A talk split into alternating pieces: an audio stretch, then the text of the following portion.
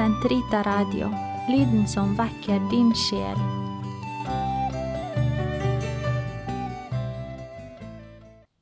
Den katolske kirkes katekisme, uke 49, mandag 976 987. Syndenes forlatelse.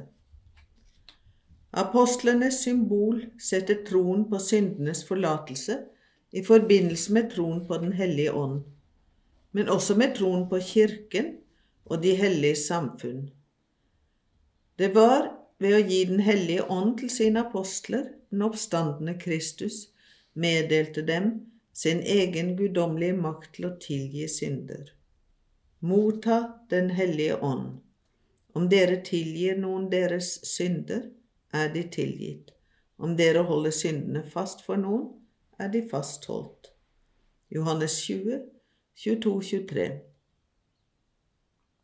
Katekismens annen del tar uttrykkelig for seg syndenes forlatelse ved dåpen, botens sakrament og de andre sakramentene, særlig eukaristien.